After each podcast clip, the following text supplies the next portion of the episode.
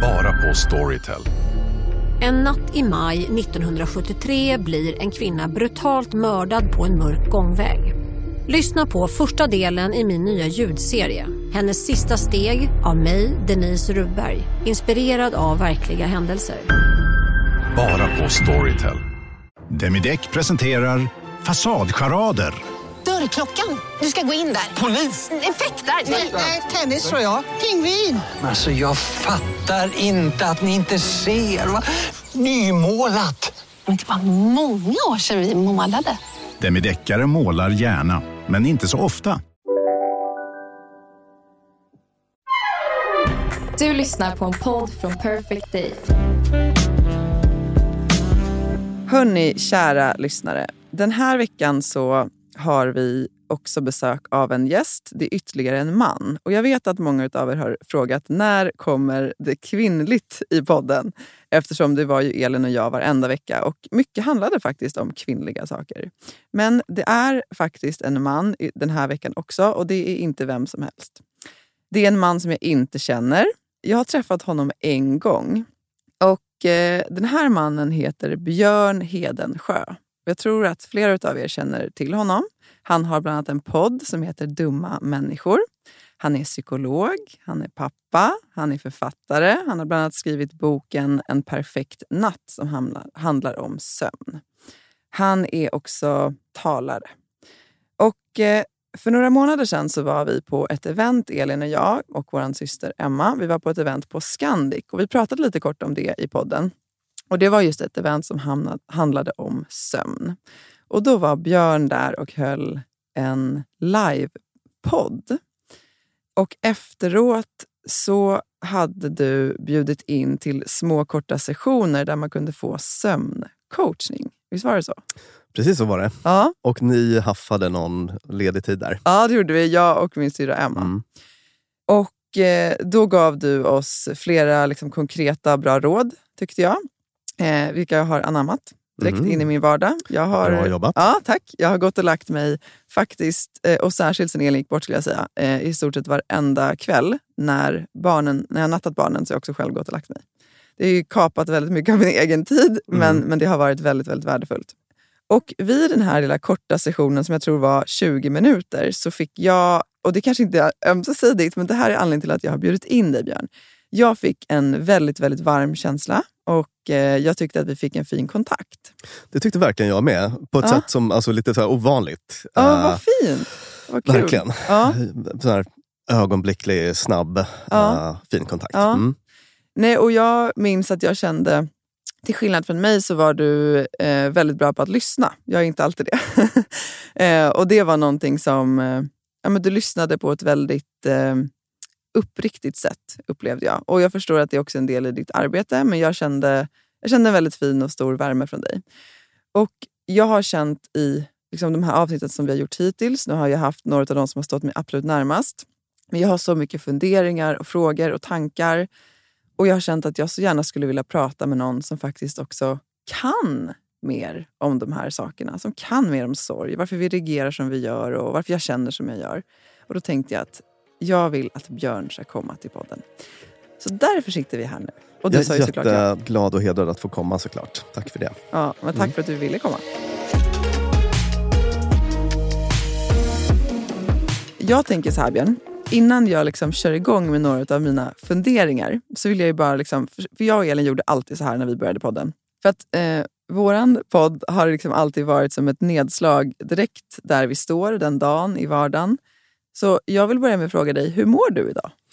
Jag mår bra idag. Uh, har haft mycket på jobbet den här veckan, men det har ju många ofta. Ja. Uh, jag har inte tränat på typ en vecka. Det Nej. brukar jag må lite... Det kliar i kroppen. Liksom. Ja. Jag gillar ändå att träna några, tre gånger i veckan kanske. Sådär. Vad tränar du då?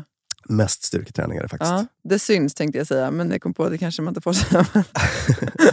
du ser stark ut. tack. tack. Um, men jag har, jag har ungar varannan vecka ja. och, och nu var jag barnvecka så då kan det bli ibland lite svårt att hinna med. Mm. Mellan alla skjutsningar och sånt där. Mm. Eh, Men förutom det så är allting toppen. Eh, Jag älskar våren. Jag är en sån otrolig liksom, vårmänniska. Det kanske alla andra är också. Nej, jag tror inte det. Jag läste det häromdagen att eh, liksom, jag hade inte förstått det med begreppet vårångest. Ja, just det. Det är faktiskt sant när jag tänker efter. Vårdepp är ganska vanligt. Det är, Ja. va- det är vanligare med höstdepp dock. Men, men, Ja. men vårdepp finns definitivt. Varför får men- man det då? Alltså det är de här skiftningarna. Det, är det. det har mycket med ljus att göra tror man. Alltså ljusmängden. Att, det, att det blir så stora liksom, ändringar och att man inte riktigt hänger med på det där. Okej. Märks framförallt på hösten men ibland också på våren. Då. Man tänker annars, och det är väl för att jag själv älskar våren, men att Mm. det i sig gör att man liksom får en skjuts i lyckan och, och liksom energinivån. Jag att det sa blir till mer min. Poddpartner Lina att jag har så här ägglossning nu. Alltså det är så här total. Sömnbehovet minskar, så här jättemycket Exakt. energi, Ja, här är jag. optimistisk. Ja. Liksom, här är jag. Det, det, det är så här, verkligen min tid på året. Åh, gud vad underbart. Mm. Ägglossningstiden. Ja. Ja, men vad fint. Och eh, vad fint att höra att du mår bra. Hur Ja. mår du då? Jag mår faktiskt bra idag. Igår och eh, egentligen början av den här veckan började ganska kärvt. Vi var ju bortresta med familjen och när vi kom hem så blev det som mycket liksom så här kom över mig. Att då kände jag att mycket var definitivt. Att åka bort var ju också en, en del i att så här, liksom förflytta sig från mycket av det som var väldigt liksom, tungt i vardagen. Och sen komma tillbaka till det och känna att ja, men just det, det är fortfarande, det är fortfarande så här. Så det, det har varit eh, några lite tyngre dagar. Men idag vaknade jag och faktiskt kände mig eh, nervös, exalterad och spänd inför det här mötet. Eh, och just nu känner jag mig tillfreds och eh, jag mår faktiskt bra. Fint. Tack för frågan. Mm. Ja, men nu är det min tur att börja ställa dig frågor. Nej, men, och vissa av de här frågorna förstår jag liksom blir lite abstrakta. För mycket i det här är ju abstrakt, i alla fall min egen känsla. Sen finns det säkert liksom forskning och saker, eller evidens på mycket. Men, men jag har en, en rädsla och det är att jag inte sörjer eller att jag inte ska sörja på rätt sätt. Och, och varför jag känner så, det är för att Dels har jag fått från eh, en hel del liksom, lyssnare men också från folk i min omgivning som av liksom, all välmening säger så här, ta dig tid och sörj. Se till att sörja klart. Sörj ordentligt. Och då tänker jag så här, men, men är meningen att jag ska sörja klart? Och vad, liksom, hur ska jag sörja? Liksom, där, och där finns en rädsla i mig att jag inte liksom, ska göra det, ja, men förstå mig rätt, på rätt sätt. Mm. Finns det något rätt sätt? Jag, jag förstår vad du menar. Eh, jag tänker så här, du kan vara facit. Ja. Ja. Alltså, det finns inget officiellt facit för hur man ska göra. Nej. Utan jag tror man får gå mycket till, till sig själv. Mm. Och jag, jag tror att det är ganska viktigt också. För att Mm. om man till exempel tänker att nu måste jag gå runt och vara ledsen jämt. Mm. Det pallar man inte så länge. Nej. Utan det är jätteviktigt att man ger sig själv utrymme för annat också. Mm. Och um, om man kan skratta efteråt, det är väl, det är väl jättebra. Ja, för det tycker jag är en annan sak. Jag har pratat om det lite kort i något av de tidigare avsnitten. Men att så här, bilden som man har haft av sorg, för mig är den liksom ganska annorlunda från liksom hur jag upplever att det faktiskt också nu är. Jag vet, vissa har ju skrivit så här, men jag förstår att du, liksom, du inte kan le eller det är svårt att andas men det kommer en tid när du kommer kunna göra det. Mm. Och, och jag liksom, för mig handlar det ju absolut inte någonstans om att så här, förminska min syster. Jag älskar henne evinnerligt. Liksom. Hon, hon är en del av mig. Men jag har ju känt att jag har kunnat skratta alltså egentligen liksom sen det hände. Mm. Men det har inte för mig förtagit liksom, den sorg jag känner över att hon är borta. Men jag har känt ibland skuld för att jag har skrattat eller lätt eller känt mig lätt i sinnet. Mm.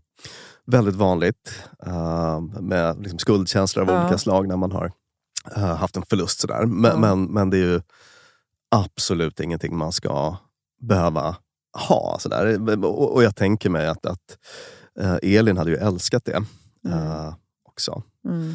Jag bara tänker på hur viktigt det kan vara med humor också i, i sorg och så. Mm. Min mamma gick bort för några år sedan. Ja. Också så, i, i liksom en obotlig sjukdom med snabbt förlopp. Ja. Sådär.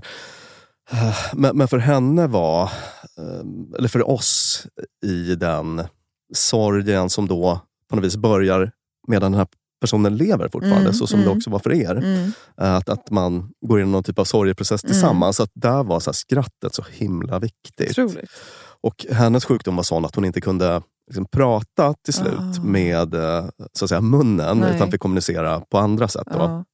Och jag minns att hon sista kvällen, eh, alltså precis innan hon gick bort, höll Mm. på liksom, med skriva olika skämt och sådär. Alltså, eh, och vi skrattade tillsa- tillsammans mitt, mitt i allt det där och att det var så himla eh, starkt och fint på något Ja. sätt. Ja. Ja, och, och mm, det är en väldigt fin, liksom, en fin poäng. Det, och det var ju kanske någonting av det som också gjorde de här åren som, liksom, som Elin hade de sista åren, att saker och ting inte var särskilt tunga alltid. Alltså, det var ju i viss mån ett helvete, Mm. eh, men i många avseenden, så här, särskilt när Alltså det är fortfarande så pass kort tid, liksom det är en månad idag, men, men när jag har försökt tänka tillbaka så har jag ju framför allt ljusa minnen av de här åren. Och det var ju mycket för att vi skrattade väldigt mycket. Och hon var ju väldigt kul. Hon var, hon var ju ganska fjantig ibland. Eh, och red, bara så sista veckan när vi var på sjukhuset så höll hon ju också på att liksom fjanta sig eller liksom drog skämt. Och när vi ville, liksom, jag och min syrra kanske prata om saker som så här, men hur känner du? Och, här, det, vi, vi pratar om något annat, vi blir bara ledsna när vi pratar om det där. Vi kan väl prata om liksom, Ja, du vet, vi pratar om något helt annat som, som, hon blir, som hon blev glad av och som också vi blev glada av. Mm. Och ibland har jag tänkt att så här, men det, det är bara liksom, vad ska man säga då, ett, så här, ett fördriv eller någon typ av skenmanöver för att inte våga acceptera det som är. Mm. Tänkte jag ibland när vi var i det. Samtidigt som jag nu har känt att så här, fast vad, spelade, vad hade det spelat för roll att bara sitta och gräva och grotta i det som var tungt? Det hade inte Liksom. ändrat någonting. Nej, det hade inte ändrat någonting. Precis, eh, jag tycker att det, det, det är ett liksom fantastiskt fint sätt att bejaka livet. Ja. Eh, i- eh, det var det är, tycker Mm. jag. Ibland brukar man prata om, det finns ett psykologiskt begrepp som är Ja. to- toxisk positivitet. Ja. Har du hört talas om det? Ja, jag absolut. Det är när man låtsas som att det inte finns några problem. Ja. Eh, inga liksom, negativa, svåra känslor får finnas. Ja. Det ska alltid vara liksom, mungiporna uppåt. Och Ja. det, har, det finns ju massa problem med det. Ja, ja, att gud, man liksom, undviker det svåra. Sådär. Men att alltid vara dyster och ledsen, och sådär, det, är inte heller, det är inte heller någonting man Nej. vill. Nej. Det, det, det, låter jättesunt det där, att, att kunna vara i båda. Eh, och sen så är det såklart jättesvårt. Och E- E- Elin verkar ha varit helt, vad ska man säga, liksom one in a million på något sätt. Med den förmågan att kunna... Men hon var väldigt Ja. duktig på det. Ja, Ja. men jag tänker på det här för att eh, det här med ja, men den här toxiska positiviteten, är det liksom... Jag, jag, jag ser bara framför mig du vet, typ den här eh, personen som alltså man skrattar fast det, det känns som att det skulle tan- kunna tangera till gråt vilken sekund som helst. För att det, liksom, det ligger så mycket innanför som, är, som inte har fått komma ut. ungefär. verkligen. Ja. verkligen. Precis så. Och vad Mm. är liksom, varför, varför... För är det någonting som... Är det liksom mer ett flyktbeteende då? Att man liksom lägger på sig det Ja, det kan man i säga. jobbiga situationer? Ja. Ja, det blir någon typ av eh, psykologiskt försvar då. Ja. Att man eh, bara stänger alla liksom, dörrar till sånt som är lite jobbigt och svårt.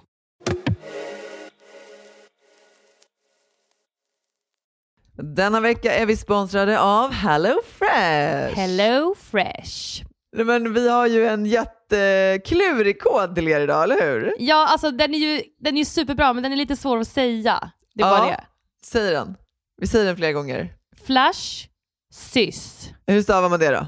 Då, då har vi eh, Flash först. F-L-A-S-H S-Y-S. Flash, sys. Bra, nu kommer ni ihåg det. Ni kommer inte glömma det. Och vad gör ju egentligen den här koden för er då?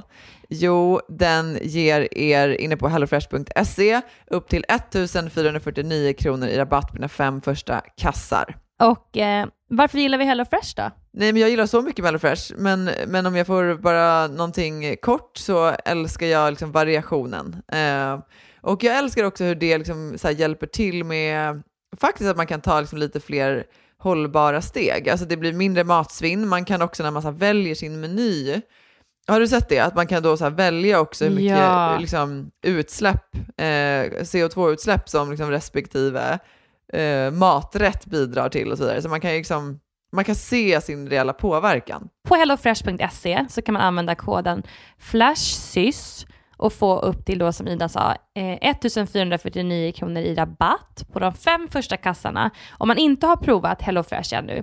Eh, och man får också fri frakt på den första matkassen. Eh, nice. Men alltså du kan också använda koden om man har varit kund tidigare men har avslutat abonnemangen för över 12 månader sedan eller längre. Eh, så kan man bli kund igen helt enkelt. Ja, det kan man verkligen bli. Och eh, hörni, det här eh, fina erbjudandet gäller till den 27 maj, så det är under en begränsad tid, så passa på. Tusen tack HelloFresh. Tack! Vad är sorg egentligen?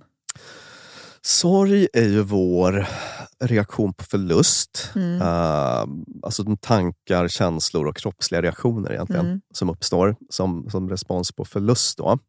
Och om man tänker på det i ett evolutionärt perspektiv, alltså grottmänniskomänniskan, Mm, mm. Gr- grottmänniskohjärnan och sådär. Uh, var, varför har vi den här reaktionen? Ja.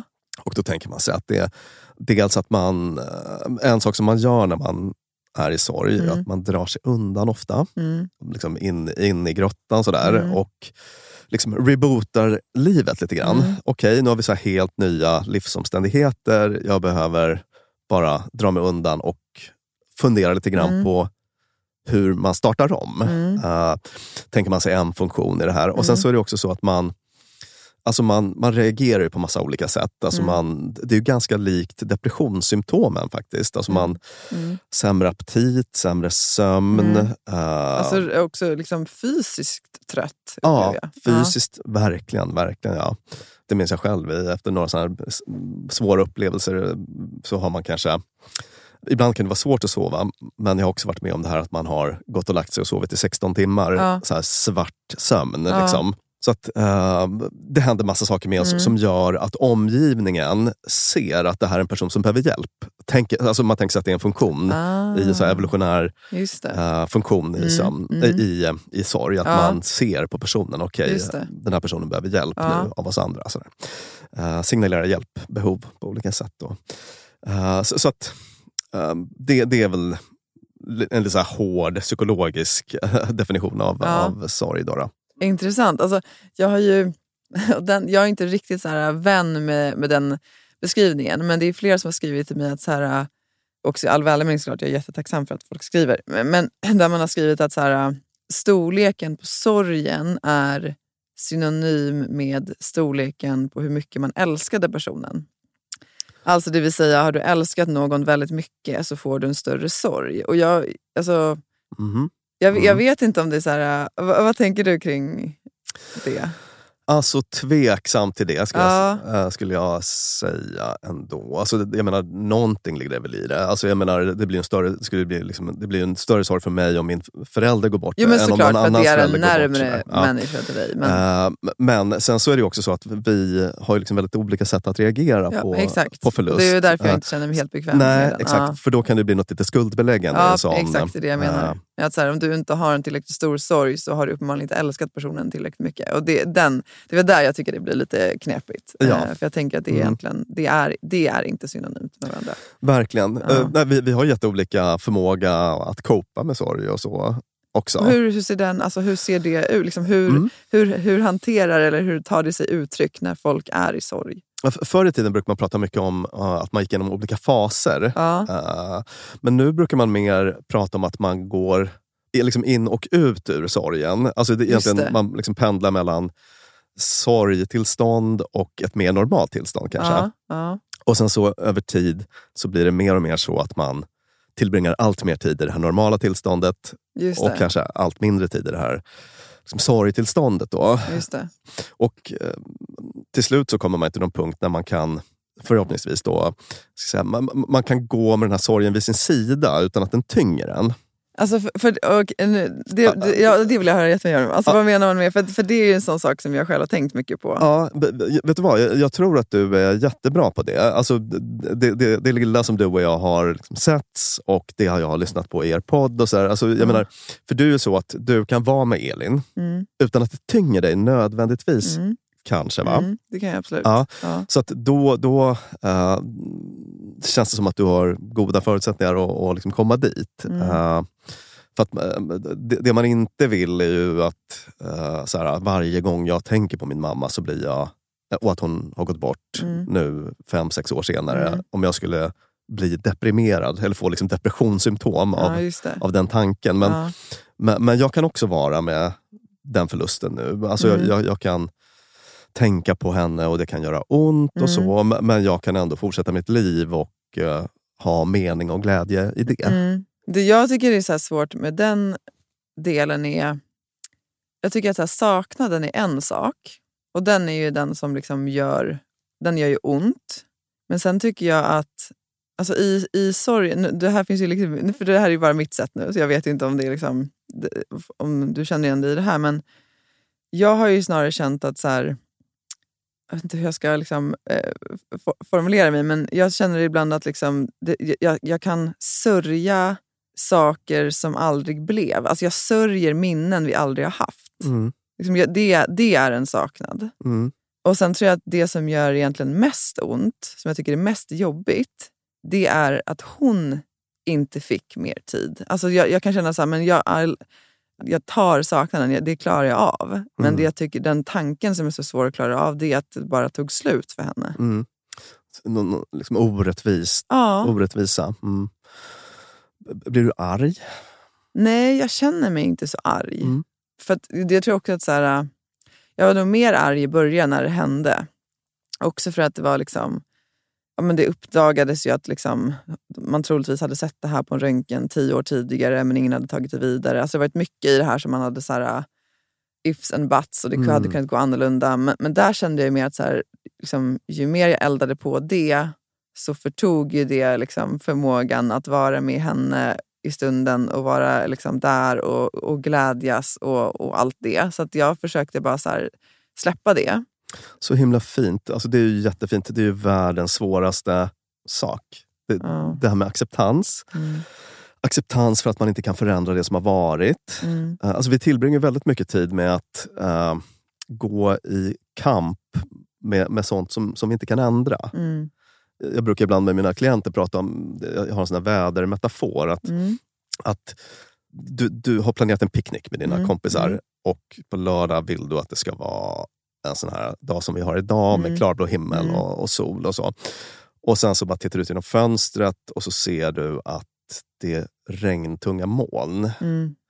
Och då, då, finns det liksom olika sätt att ta sig an det där. Alltså antingen kan man ju bli så förbannad och, och liksom sparka omkull en stol. Och, uh, alltså att man, Ställa in, ja, precis. Att, ja. att, man blir liksom arg och rasande.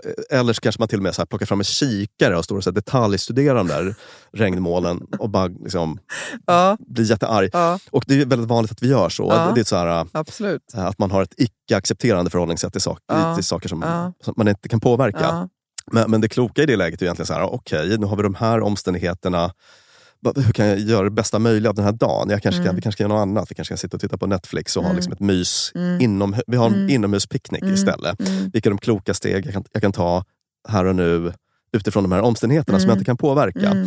Och det, var, det låter som att du har den där acceptansmuskeln, är ganska vältränad hos dig. Att så här, okay, den där röntgenplåten, det hände för tio år sedan. Det finns ingenting Nej. jag kan ändra med mina... Om jag liksom går runt och tänker på det jättemycket, det kommer inte mm. ändra någonting. Nej.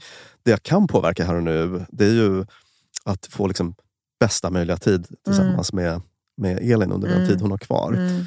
Så det är bara jättefint att höra att du...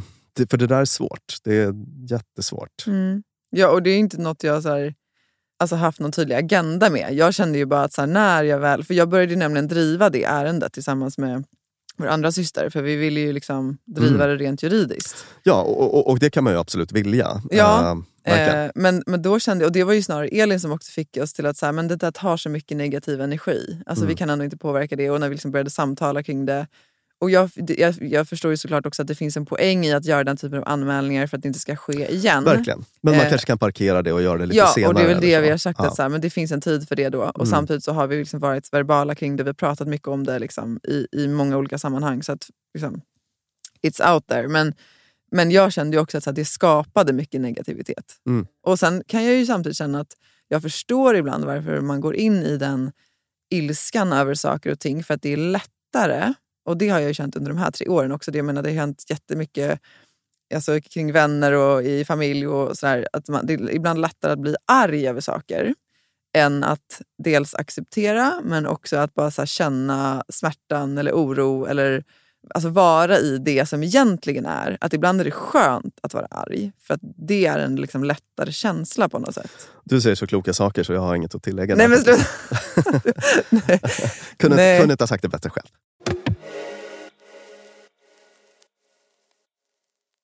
En annan sak som jag tycker med det här, det är det här med att man, alltså det känns som att det är så, alltså sorgen också har så mycket motsättningar. Alltså du vet att man ena stunden känner, ja men det här som jag sa, att jag, så här, jag, jag, jag, liksom, jag sörjer saker vi inte har haft.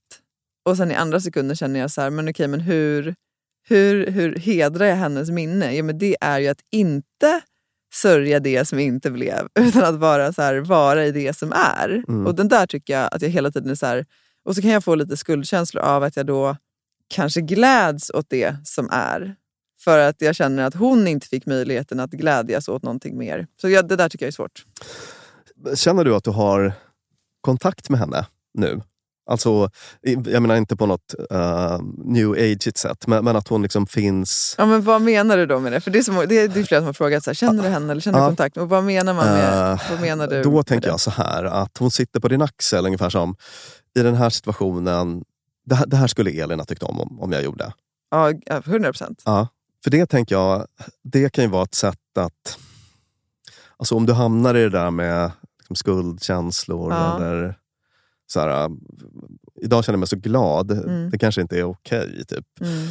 Och då, då tänker jag om du bara kan liksom vända dig till, åt höger Ja. och, och, och titta på Elin Ja. som sitter på din axel där. Mm. Så kanske hon skulle säga att Gud vad härligt att du är glad syrran. Mm. Exakt så skulle jag säga. Jag har ju känt så här, för jag skriver ju våran bok. Våran säger jag nu, det är hennes bok. Men, men det känns som att vi gjorde det tillsammans. Liksom. Och eh, då har jag ju snarare känt, för jag skriver ju den liksom med hennes röst. Och då har jag ju, det kände jag väl absolut innan hon gick bort också, men kanske särskilt nu. Att när jag har, jag har faktiskt precis börjat skriva igen, de första liksom, tre veckorna var det helt omöjligt att skriva. Mm. Eh, men nu har jag liksom känt som att hon nästan, som du beskrev nu, sitter på min axel och säger till mig... Jag tänker, för jag har ju som olika scener då och så har jag liksom ett scenario som jag ska beskriva. Och så kanske jag först tidigare tänkte väldigt så här mekaniskt, att så här, nu beskriver jag den från punkt A till punkt B. Liksom. Medan nu har jag mer känt det som att så här, hon, hon berättar hur det var och så bara skriver jag det Mm. på något sätt. Mm. Och det kanske är det att jag känner en Verkligen. Ja, det låter som att hon är väldigt närvarande på ett fint sätt. Ja.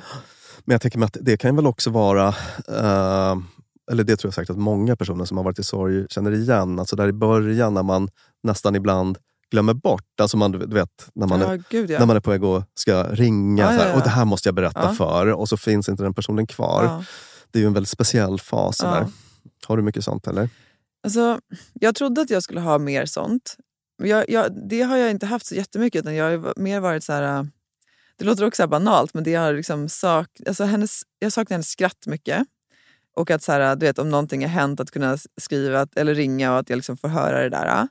Men, men det har också varit, och det är jag så sjukt tacksam för med podden. Att jag har ju bara tryckt på något avsnitt där jag vet att hon har skrattat mycket och så har jag fått höra det och det har liksom skänkt ett lugn Mm.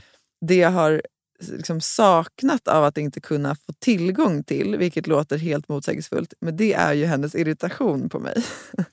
För att hon kunde ju ofta vara så här, jag är tidsoptimist. Ja, jag var ju sen till vårt möte i morse. Jag skulle ju uppenbarligen tagit mer tid på mig för att lämna på förskolan. Du var en skulle... minut sen. Ja, men Ja, precis. Det var inte så farligt. Men, men det var en sån grej som hon alltid var irriterad på mig. Eh, eller att jag ibland tog saker på volley och liksom var mycket mer så här, äh, sköt från höften kring vissa saker. Och det kan jag ibland så här sakna, att hon är så här, du vet, ibland tog ner mig på jorden och liksom, ja, höll mig ansvarig för vissa saker. Ehm, och det har jag ibland känt, alltså, du vet, när jag gjort någonting, att hon, det hade varit skönt om hon hade bara så här, ja, men, du vet, varit lite irriterad på mig. Mm.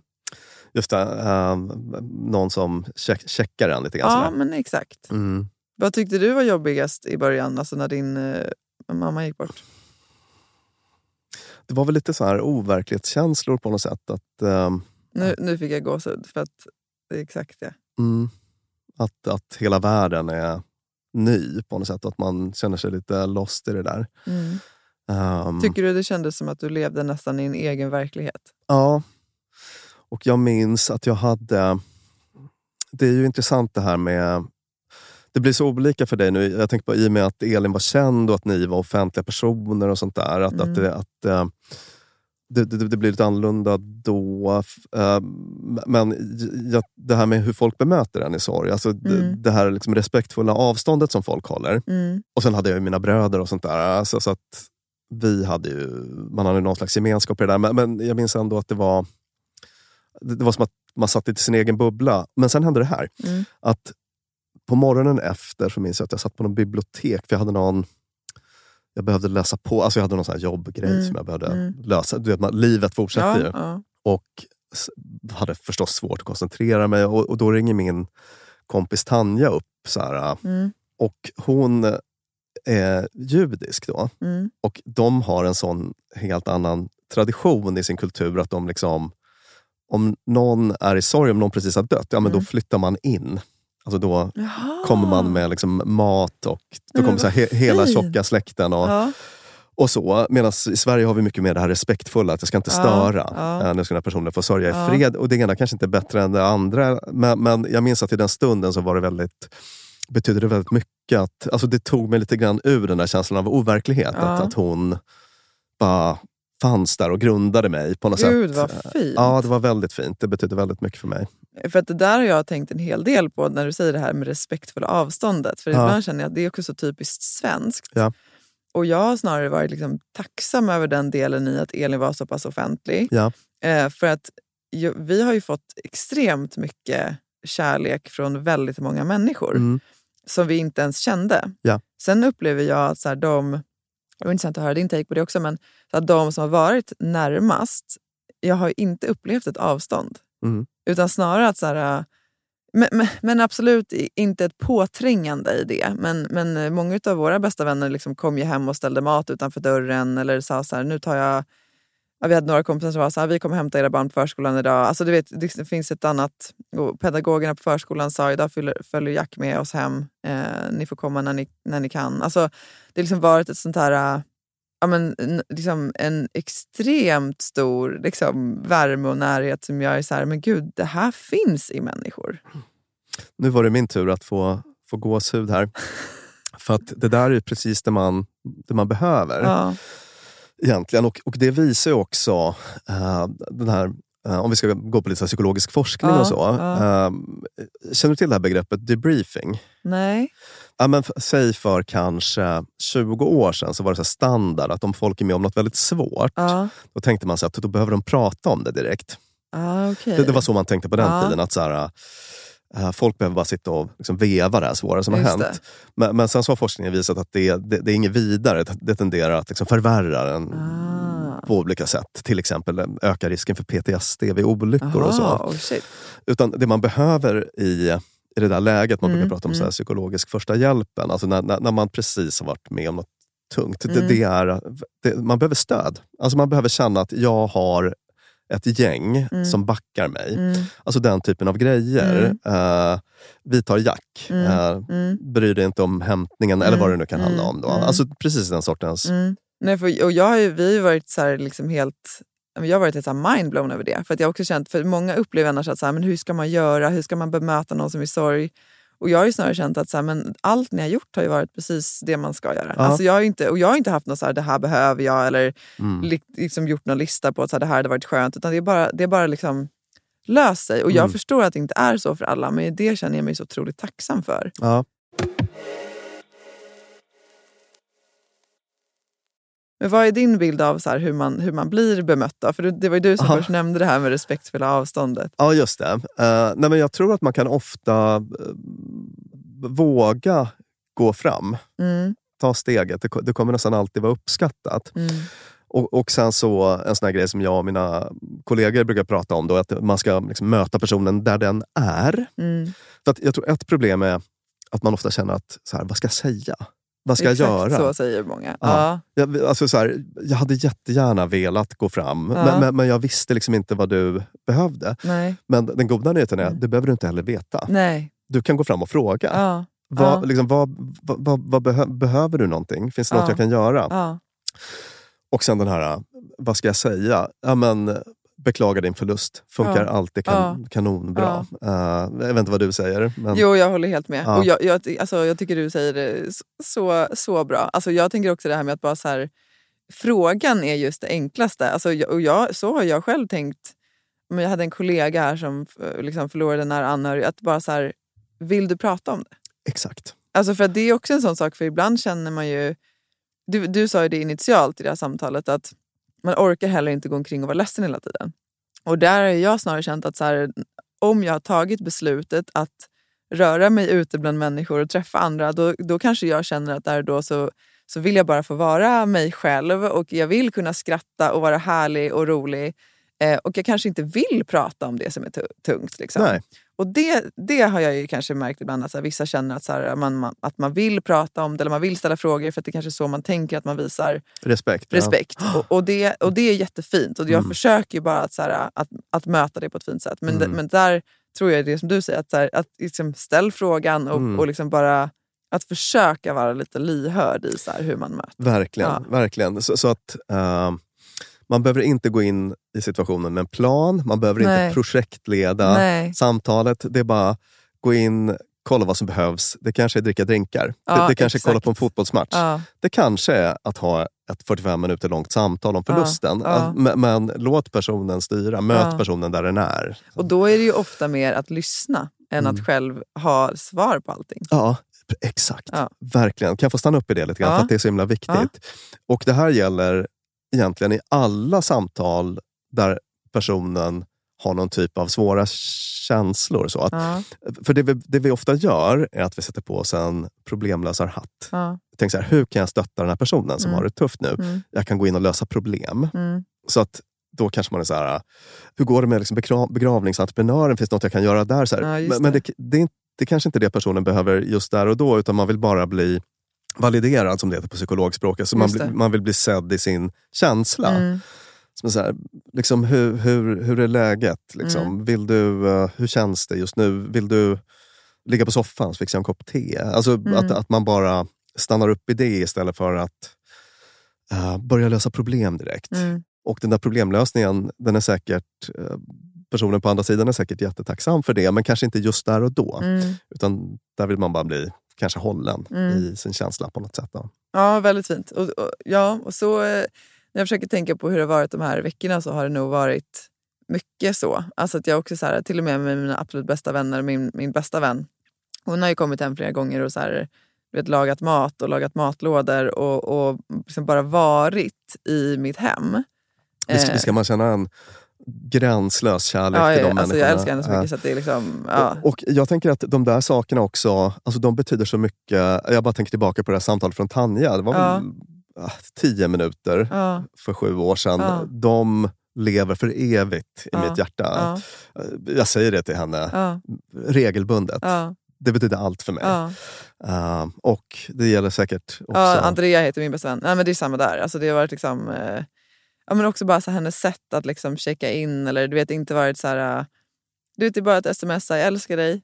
Alltså, du vet, det kan komma ett sms där hon bara skriver det och ett hjärta. Alltså, du vet, Det Mm. var liksom bara... Det, det, liksom, I sin enkelhet men Mm. ändå så, liksom, bara så jäkla rent. det är så sätt. himla fint och det, det blir så kravlöst. Ja, Eh, exakt. det det- Kravlöst, det är precis det. Problemet med att gå in och lösa problem, eller att förutsätta att det min kompis eller behöver den här situationen, att jag går in och löser problem. Ett problem med det kan ju vara att, att det blir någon typ av, att man ger den här personen man bryr sig om då en uppgift. Det är så här, nu ska jag hjälpa dig att lösa de här problemen. Nej, men jag vill inte ha problemlösning just nu. Nej, Alltså, just det. nej, jag har ingen lust just nu att Nej. ringa och fixa och greja med det där. Jag hör vad du säger. Alltså, jag vill, och då kanske det är mycket bättre att bara ha den där kravlösa kontakten Ja, som, som eh, din kompis Ja. Andrea heter. Andrea. Ja, Ja, mm. verkar göra ett kanonjobb. Ja, jo, som men vän. det gör hon. ja, nej, men gud vad fint. Jag, jag, känner att jag lär mig så mycket Björn. jag tror att det kommer våra lyssnare göra också. Ja, vad härligt. Ja. Eh, Ja, men det verkar som att det har eh, funkat väldigt bra med allt det där under er sorgeperiod här. Ja, men också, det är ju så svårt att veta liksom, vad, alltså, vad som är rätt och vad som inte är det. Och, det är och jättesvårt. Liksom, Eh, det är ju jättesvårt för omgivningen också, verkligen. ja, det är ju det. Ja. Och, och det känner jag väl också så här, ja, men jag har känt ibland, ja, men till exempel bara så här, ja, men jag, liksom, när jag åkte in till stan och det var ju, då hade det väl gått typ så här, tio dagar sedan hon gick bort. För jag skulle då in till jobbet och liksom, eh, första dagen jag skulle jobba. Och då så kom jag ihåg att jag var så här, du vet, folk stressade från tunnelbanan och liksom, det var fortfarande folk som sprang upp i rulltrappan. Och, du vet den här, liksom, alltså det här pågående myllret liksom, bara överallt. Eh, och ljud och så här. Och då kom jag ju på mig själv att jag var så här, jag, kom, jag kommer ihåg att jag stannade upp och bara kände liksom att jag ville skrika nästan. Det var så här, hallå, hallå, Elin är död. Alltså vad är det ni inte förstår? Elin är död. Och så blir jag i samma sekund att så här, det är klart att jag inte skriker det. Utan jag tar ett djupt andetag och så fortsätter jag gå till mitt kontor. Men det som sen liksom så landade i mig, när jag hade satt mig vid mitt skrivbord, det var så här, men gud, tänk hur många människor som jag har mött genom mitt liv och som jag kommer möta, som är precis just där jag var i morse.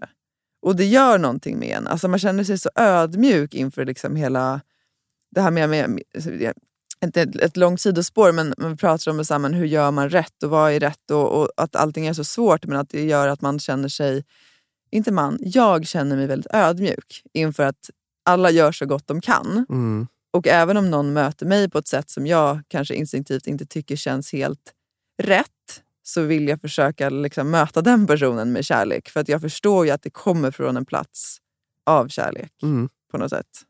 Så himla fint. Jag tycker det säger något väldigt fint om dig också. Att du kan...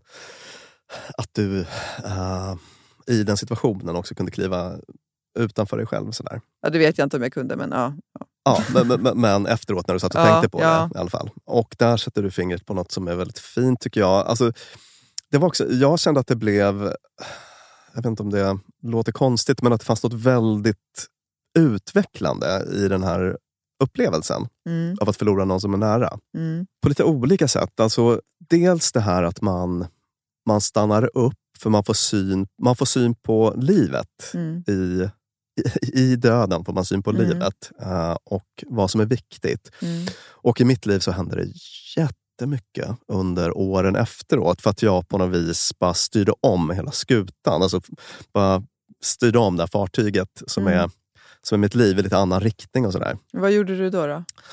Ja, det var mycket med karriär och äktenskap och, och Mm. såna, såna saker. Mm. Viktiga eh, liksom livsområden. Eh, Stora beslut helt Ja, enkelt. precis. Ja. Så att dels det, att man och också kanske du vet, så här, ähm, att man inser hur viktiga relationer är för en. Att jag Mm. uppvärderar vänskap och kanske väljer bort vissa relationer Mm, och lägger mycket mer krut på andra. Så Mm. den typen av saker. Och sen så också den här upplevelsen som du beskrev nu. Mm. med Det finns en forskare som heter Christine Neff. Hon är Mm. en psykologiprofessor som har hon är kvinnan bakom det här med självmedkänsla, eller hon är det stora namnet inom det här med självmedkänsla. Eh, Vad menar man med självmedkänsla? Jag har inte hört det begreppet. Nej, det, det, det är en uh, terapiinriktning. Okej. Eh, där, där en väldigt central del är så att säga, det här med, med att dels ha compassion för andra men också för sig själv. Och att, du, du vet, vi tenderar att vara otroligt liksom, hårda med oss själva. Ja, just det. Man- man- vi kan vara man- man varma pr- mot andra. Ja, man, pratar, man pratar till sig själv på ett sätt som man aldrig någonsin Pratar skulle någon göra med någon annan. Och eh, i hennes terapier så handlar det väldigt mycket om hur man eh, talar till sig själv egentligen. Plockar fram den inre vännen och Ah, ja, okej. eh, man blir då också en mycket mer eh, liksom medkännande och empatisk person. Ah. Och hon brukar prata om det här med common humanity. Att, Mm. att vi har en typ av... eh, och det var, det, alltså det var den upplevelsen du hade, att du kunde se att liksom, vi sitter i samma båt.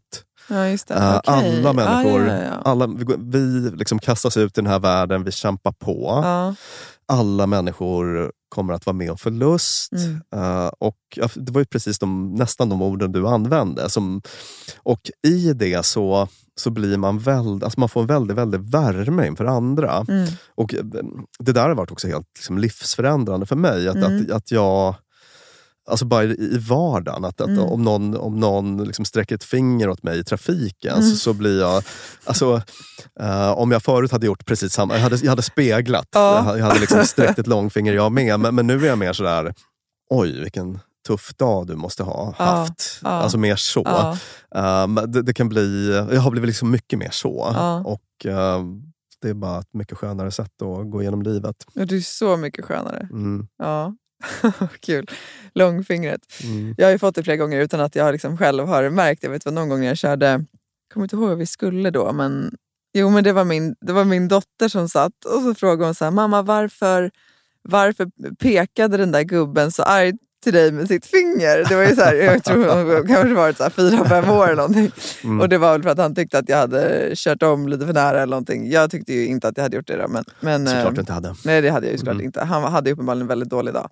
Eh, Jag, jag sträckte ut tungan en gång Okej. åt en medtrafikant. Eh, I syfte att liksom... jag vet inte, jag, jag, jag fick ett långfinger och så tänkte jag att nu ska han få något ännu värre.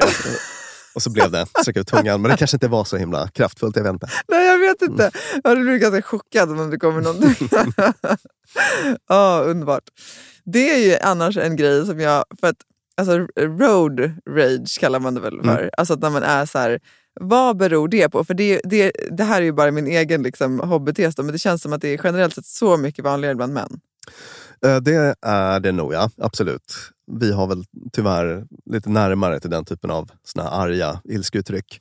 För det, det. Mm. tänker jag ju själv är en sån här grej som att du vet om du sitter och kör, att nå- om någon är så här jättelångsam där framför. Eller att så här, Mm. För det är också en sån här grej som att du kan inte påverka det. Nej. Eh, Precis, faktum är att jag brukar sj- själv göra såna acceptansövningar. Ja.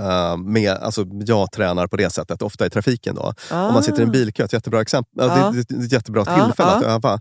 För att ingenting man gör kan liksom påverka situationen. Nej. Att bara försöka vara i det och sen så vilka så kloka steg kan jag ta här? Ja, Man kanske kan lyssna på Idas podd. Eller liksom, Ja. vad, vad kan jag göra för Ja. att må bättre Ja. i livet de här omständigheterna? Uh, så kan man köra en liten acceptansövning där. Ja, jag tycker det är så kul. Jag vet inte hur. Alltså, och särskilt när jag hänger ut min man här nu. Men han, han är ju verkligen så här för att han kör också ofta, också, vad är fel? Han kör ganska, ofta ganska fort. Ja, Eh, och, det gör jag med. ja, Mm. och blir då så här liksom stressad av att folk ligger för nära. Eller, eller liksom att de är långsamma. Då, Mm. liksom. Relaterar tyvärr. ja, du är nog inte ensam.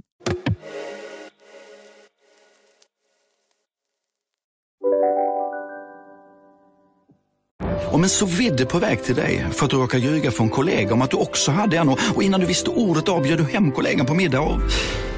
Då finns det flera smarta sätt att beställa hem din sous på. Som till våra paketboxar till exempel. Hälsningar Postnord. Dåliga vibrationer är att skära av sig tummen i köket. Ja! Bra vibrationer är att du har en tumme till och kan scrolla vidare. Få bra vibrationer med Vimla.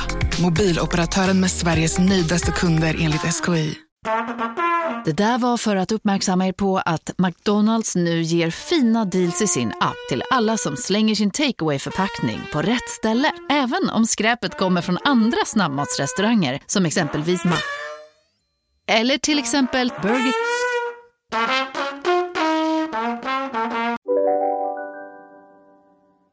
Men Ida, hur, hur skulle du säga att det har sett ut nu då under den här månaden som har gått? Vad har det, vad har det hänt med din sorg på vägen? Var är du nu och hur har det utvecklats? Jag skulle säga att jag, alltså, jag, jag tyckte om den beskrivningen du gav i att så här, min bild innan var väl att så här, det, det ska vara mycket som en process. Men min upplevelse är att det har varit mycket mer så in och ut. Alltså det vill säga att jag går in i någonting och sen så kommer jag ur det och sen så går jag in i det igen. Och i början så var det väldigt mycket en så här overklighetskänsla, alltså det du beskrev. Ehm, och, det, och, och det känner jag fortfarande. Mm. Men det här med att så här, hur kan hon bara vara borta? Jag, jag kan liksom rent intellektuellt inte förstå det. Även fast jag var med henne i rummet när hon tog sitt sista andetag så kan jag, alltså jag kan inte förstå, så här, var, var är hon? Det har jag tampats jättemycket med och den, den känslan var så himla, allting var så surrealistiskt i början. Och det kändes som att, så här, men jag skulle säga att de första, den första veckan grät jag väldigt mycket. Alltså det var liksom av det minsta lilla. Jag kommer ihåg så här, ja men, eh, eh för vi fick ju liksom, du vet, så här, ta hand om hennes telefon och bara sådana saker. Du vet när jag såg att hon hade bredvid mig i telefonboken då gjort ett hjärta. Mm. Eh, och bara det, så du vet att tappa det. Alltså det var, det var liksom små, vad, som en, vad det än var. Tusen små påminnelser Ja, som, som gör lika ont. Ja, liksom exakt. Ja. Allt. Alltså det var, Mm. det var väldigt, väldigt, väldigt mycket gråt. Och kanske särskilt så här, men eftersom jag har små barn så var det ju och det har jag sagt lite i podden också, men att jag liksom har känt mig nästan så lite arg på dem för att de inte låter mig bara få vara ledsen, vara i fred. För det har jag också märkt att jag har varit väldigt lite ledsen under deras uppväxt. Jag gråter väldigt sällan. Och det blev, liksom, det blev jättejobbigt för dem. Eh, och då blev det som att jag så försökte att liksom inte gråta så mycket framför dem. För att det, det i sig blev ju någonting som jag också behövde hantera. Mm. Och det blir som en Eh, ansträngning. Ja men Ja. exakt. Ehm, så att då var det ju mycket att jag liksom grät mycket på kvällarna och liksom, ja, men när jag var själv, alltså i bilen eller sådär. Och sen kände jag väl också att, men jag tyckte du beskrev det så fint också med det här med här, att, att som nu, att du kan tänka på din mamma och fortfarande känna liksom en ändå stark mening med livet och att du vill fortsätta framåt. Och så här, det tyckte jag initialt var väldigt så här, vad är poängen? Alltså, ja, Mm. absolut, jag, jag har min familj och sådär, men vad är, vad är poängen? Alltså, Mm. Hon fick inte mer tid. Och sen har det liksom sakta men säkert pendlat över till att liksom de här stunderna har blivit lite färre och lite kortare. Och att jag liksom har funnit mig mer i stunder där allt är som vanligt. Mm. Hur sjukt det än låter. Ja. Och där jag liksom, ja men senast igår kväll när jag stod och lagade mat så kom eh, Jack då och, och han, det fanns en låt som han Elin alltid lyssnade på som är Crazy Frog.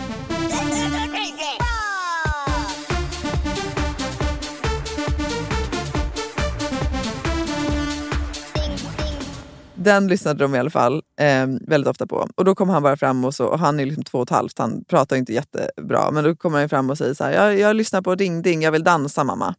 Eh, och du vet, så här, på den på högsta volym. Och inte liksom att jag kände någon, någon ledsen, liksom, jag kände ingen sorg, jag kände liksom ingen jag var inte ledsen utan jag var bara jätteglad eh, och stod där i köket och dansade med honom till hans ring dick dick ding ding. Eh, så de liksom, Gud vad, alltså jag tänker så här, gud vad du behöver de stunderna. ja, Alltså man behöver ett break. Ja, verkligen. Och det är där jag tror jag, ja, jag nämnde till dig initialt också det här med, alltså det här med skuldkänslorna. För det har jag tampats mycket mer. Alltså, kring att så här, när jag haft de där stunderna att känna så här, men vem, vem är jag att vältra mig i livet när livet tog slut för henne?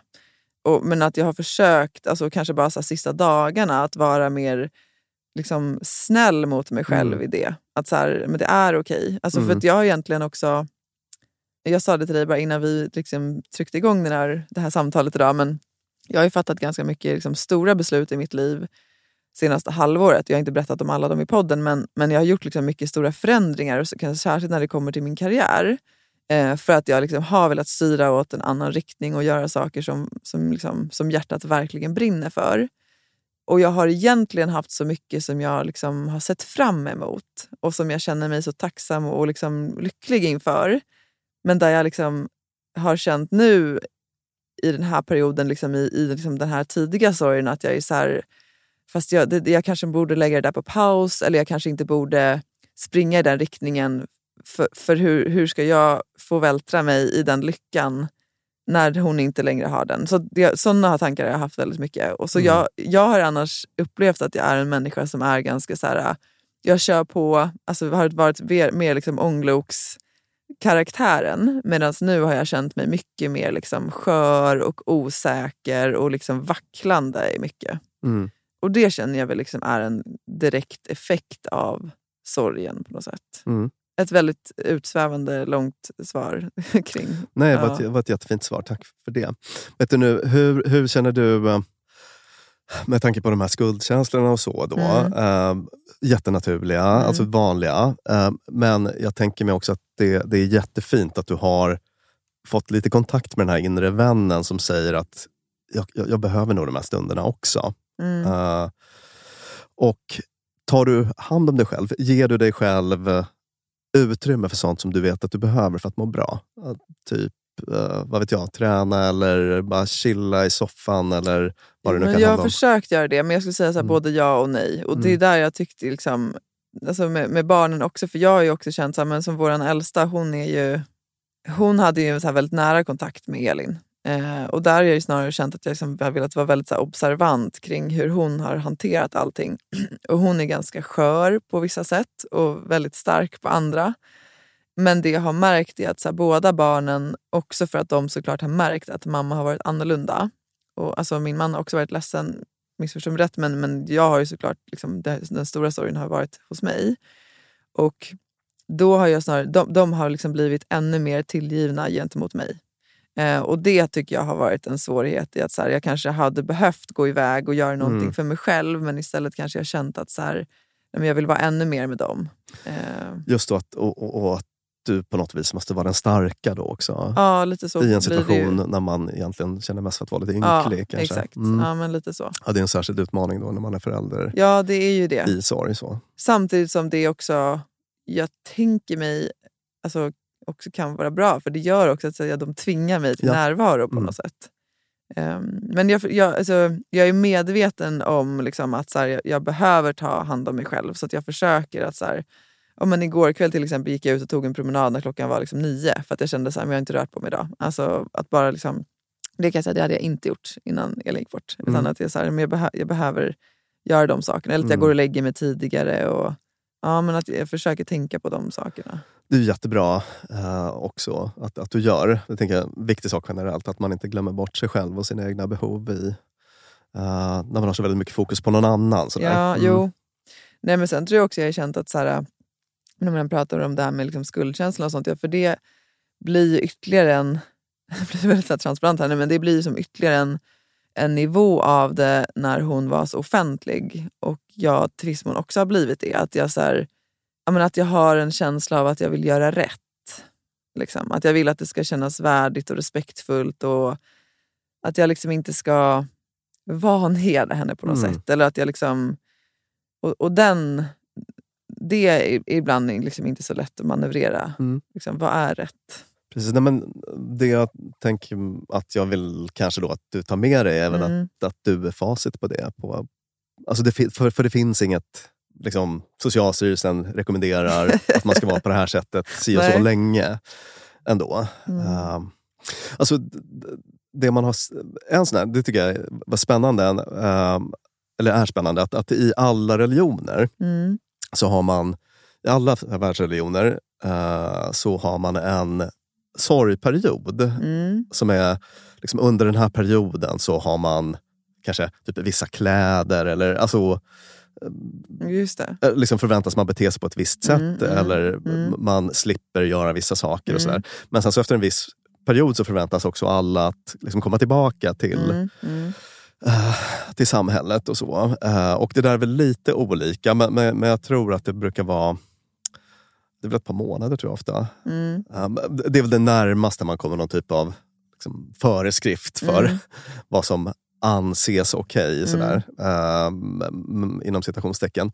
Men annars skulle jag säga att sorg är så himla personligt och hur man copar med det är också väldigt personligt och jag tycker inte att det finns något Ja, nej, för det har jag ju märkt bara liksom, alltså bland vänner och familjen också, hur vi har, liksom, har reagerat och hanterat mycket på så himla olika sätt. Mm. Ehm, och jag tänker ju hela tiden att, så här, jag vet inte, i det där att, så här, du, du sa ju så fint också det här med att så här, sorgen får gå bredvid.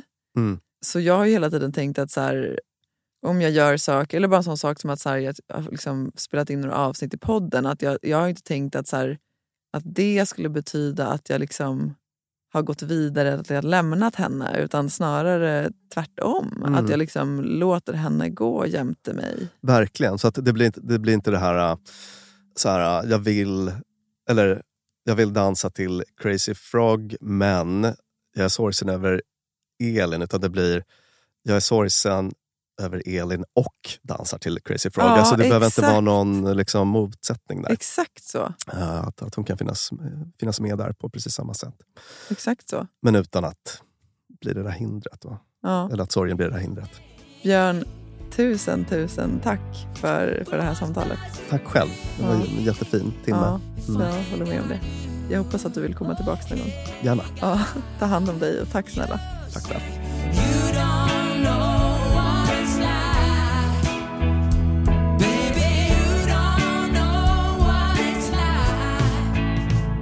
To love somebody, to love somebody the way I